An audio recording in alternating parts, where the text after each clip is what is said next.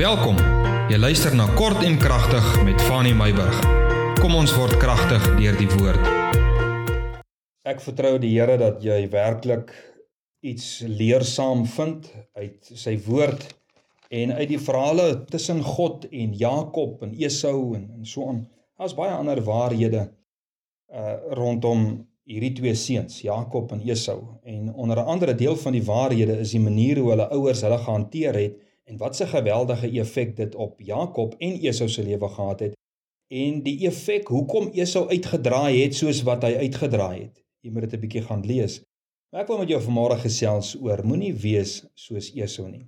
En ek sê dit spesifiek want die skrywer van Hebreërs sê vir ons in Hebreërs 12 vers 16 en 7. Hy sê, hy begin daar aan vers 15, hy sê jaag die vrede na met almal en die heiligmaking waarsonder niemand die Here sal sien nie Pas op dat niemand in die genade van God veragter nie, dat geen wortel van bitterheid opskiet en onrus verwek en baie hierdeur besoedel word nie. Dan vers 16. Laat niemand 'n hoereerder wees nie of 'n onheilige soos Esau. sien jy wat noem die skrywer van Hebreërs Esau? Hy noem hom 'n onheilige. Hy sê laat niemand, laat nie ek of jy so onheilige wees soos wat Esau was nie. Hoekom was Esau onheilig? Vers 16: Wat vir een spysgereg sy eersgeboortereg verkoop het. Want julle weet, sê hy, vers 17, dat hy toe hy ook later die seun wou beerwe, die eersgeboortereg wou beerwe, dat hy verwerp is. Want hy het geen geleentheid vir berou gevind nie al het hy dit met trane vurig begeer. Wie wat sê Genesis Genesis sê hy het sy eersgeboorte reg verag toe hy by sy broer kom en hy vir sy broer vra broer gee vir my van daardie lekker sop wat jy gemaak het. Daardie dag toe verag hy sy eersgeboorte reg. Skrywer van die Hebreërs sê laat niemand sy eersgeboorte reg verag nie. Laat niemand 'n onheilige wees soos Esau nie. Een spysgereg sy eersgeboorte reg verkoop. Wie daai dag toe verkoop Esau die ewige vir die tydelike. Hy het nie gaan sit en dink wat die eersgeboorte reg beteken en toe 'n besluit gemaak het nie. Dit was 'n impulsiewe besluit. Jy moet net onthou nê, hierdie verhaal tussen Jakob en Esau is 'n verhaal van jare. Al kom dit net in een hoofstuk voor. Hy was nie die een dag 10 jaar oud en die volgende dag toe hy 40 nie. Daar het jare verloop. Dis 'n dis 'n verhaal wat verkort is.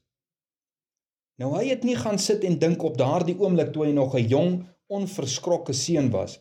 Het hy nie gaan sit en gaan dink en besef wat is 'n eersgeboorte reg? Wat beteken dit? En toe 'n besluit gemaak nie. Hy het nie gaan sit en dink, luister jy, weet jy wat, hier's nou 'n pot lensies op. Wow, dit gaan nou lekker wees. Ek het nou hard gewerk daar buitekant. Oog, dit gaan nou lekker wees, maar wat gaan dit beteken as ek nou my eersgeboorte reg? So gaan gou, pa, wat is 'n eersgeboortereg? Verduidelik my gou 'n bietjie. En nadat hy die kennis opgedoen het, teruggekom en vir Jakob gesê het, luister my maat, sorry. Vat maar jou sop. Ek sal maar brood en water drink nie, jy weet? Nee. Hy het nie gaan sit en dink nie. Hy het net 'n besluit gemaak, impulsief. Hy het nie gaan dink dat die volle som van sy erfenis kom as hy meer volwasse is en as sy vader af, afgesterf het nie. Hy het die tasbare, die tydelike, die smaaklike, die aanloklike uh, satisfaksie van die oomblik. Hierdie goed was vir hom van meer waarde as dit wat vir hom deur die geloof gewag het. Onthou, hy moes gewag het daarvoor. Hy moes iets in die geloof gesien het. Met sy geestesoog moes hy 'n ding gesien het. Hy moes 'n erfenis gesien het en gesê het: "Ek sal die tydelike los om dit wat vir my ewigheidswaarde het om daarvoor te wag." As hy kon uithou sou hy die volle seën en erfenis van sy vader ontvang het. Grondgebied, besittings, hierdie nalatenskap. Hy sou 'n naam, 'n stand in die samelewing, gesag, vooruitgang, die seën van sy vader en die seën van God wat deur sy vader na hom toe gekom het, sou alles op Esau gerus het. Maar omdat hy vasgekyk het teen die nou, het hy sy toekoms verongeluk.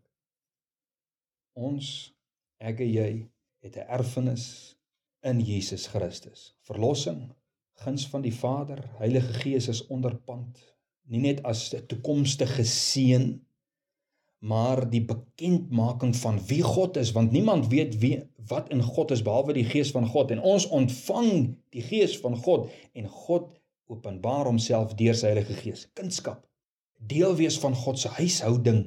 Ons is die tempel van God, ons is die huis van God. Hy woon in ons, ons is die lewende boustene. God in ons, ons in hom. Toekomstige verheerliking soos wat Romeine 8 sê vernuwing deur die gees en ewige lewe soos wat Titus 3 sê. Alles dinge wat ons nie kan sien nie, soos Esau nie sy erfenis kon sien nie, maar deur die geloof is dit tog sigbaar en tasbaar en ons wag tot die volmaakte tyd om alles in besit te neem wat God vir ons as erfenis gegee het en nog gaan gee in geloof. Die erfenis gaan van een persoon oor na 'n ander persoon sodra daardie een gesterf het. Nou kind van die Here Jesus Christus het gesterf en die totale erfenis is aan die nagelaat wat kinders van God is. Omdat ons kinders is, daarom is ons erfgename soos wat Paulus sê. Die totale erfenis wat in Jesus Christus is, nê, kan verongeluk word deur 'n genotvolle, tasbare, smaaklike, aanloklike en tydelike leefstylkeuse. Dit is hoekom die skrywer van die Hebreërs sê: Moenie soos Esau wees nie. Laat niemand soos Esau wees nie. Wat die ewige verruil vir die tydelike. Dis wat die Hebreërs ons mee waarsku. Moenie soos Esau wees nie. Moenie sulke maniere handhaaf wat jou geestelike erfenis sal verongeluk nie. Dit is die beginsel. Moenie impulsief met sonde omgaan nie. Moenie die erfenis van Jesus Christus verag nie. Esau het sy pa gesmeek vir sy erfenis. Hy sê: "Pa, jy nie twee seëninge nie. Is daar nie twee erfenisse nie? Gee vir Jakob dan nou die beste, maar gee vir my ook." En sy pa sê: "Ek het nie." Het sy pa geseën vir sy erfenis, maar daar was net een kind van die Here. Vriend, Moenie dat jou tyd uitloop en dit te laat word en die kans by jou verbygaan om die een erfenis Jesus Christus te ontvang nie. Jesus sê ek alleen is die weg, die waarheid en die lewe. En in Jesus Christus is die totale geestelike erfenis in vasgevang. As jy hierdie erfenis mis, mis jy alles. Alles.